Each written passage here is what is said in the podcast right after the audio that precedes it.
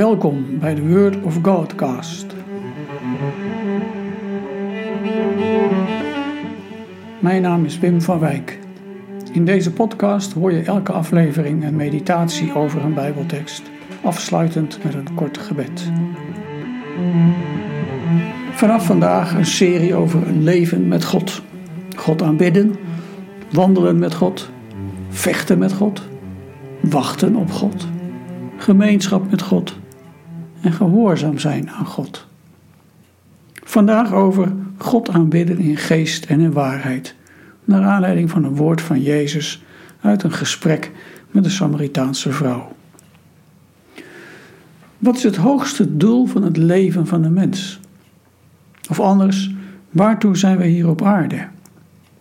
In de catechismus van Westminster wordt als antwoord gegeven: Het voornaamste doel van het leven van de mens is de verheerlijking van God en volle eeuwige vreugde in Hem hebben. Een vergelijkbaar antwoord vind je in de Roomse catechismus. Wij zijn op aarde om God te kennen en lief te hebben, naar Zijn wil het goede te doen en ooit in de hemel te komen. In het Evangelie van Johannes lezen we dat Jezus een gesprek heeft met een vrouw uit Samaria. Op een gegeven moment dringt het tot haar door dat ze met een bijzonder iemand spreekt, een profeet. Dat brengt haar ertoe hem een vraag te stellen. Dan lezen we: Nu begrijp ik, Heer, dat u een profeet bent. Onze voorouders vereerden God op deze berg, en bij u zegt men dat in Jeruzalem de plek is waar God vereerd moet worden. Geloof me, zegt Jezus, er komt een tijd dat jullie nog op deze berg, nog in Jeruzalem de Vader zullen aanbidden. Jullie weten niet wat je vereert, maar wij weten dat wel, de redding komt immers van de Joden. Maar er komt een tijd, en die tijd is nu gekomen, dat wie de Vader echt aanbidt, hem aanbidt in geest en in waarheid. De Vader zoekt mensen die hem zo aanbidden. Tot zover uit het Evangelie. Aanbidding in geest en in waarheid.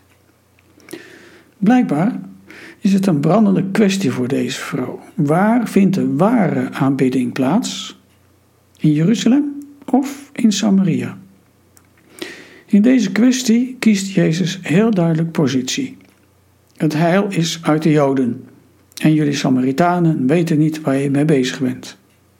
Alleen, het is praktisch een achterhaalde vraag.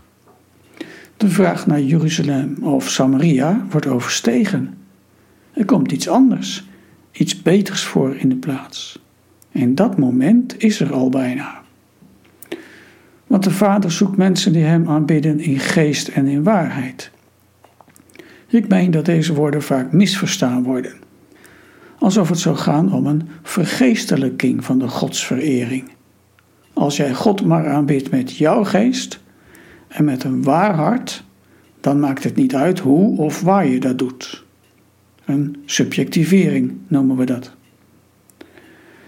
Maar Jezus maakt met deze woorden een andere beweging. Niet van Jeruzalem naar het hart van de gelovige mens, maar van de tempel naar hemzelf. In geest, dat is de geest van Christus. En in waarheid, dat is Christus zelf. De verering van God is niet meer gebonden aan een plaats, maar aan een persoon.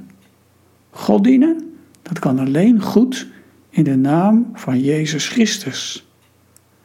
Hij is de vervulling van de Torah, die in Jeruzalem en in Samaria ijverig gelezen en bestudeerd wordt.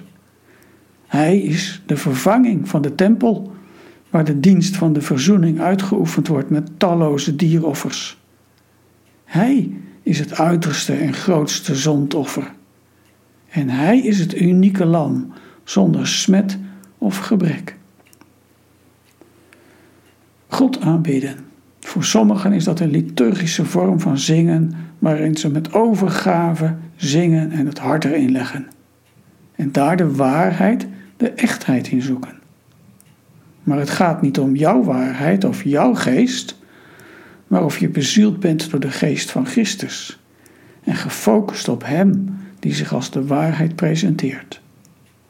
God aanbidden, dat is dat je je totaal toewijdt aan Hem, met hart en ziel, met inzet van al je kracht, met je wil, je verlangen, met je hart, met de totaliteit van wie jij als mens, als kind van God mag zijn. Wat levert deze overweging voor jou op?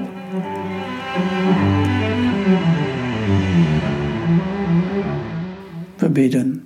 Vader in de hemel, u aanbidden we in de naam van Jezus Christus en in de kracht van uw geest. Zo wijden wij ons totaal aan u. Amen.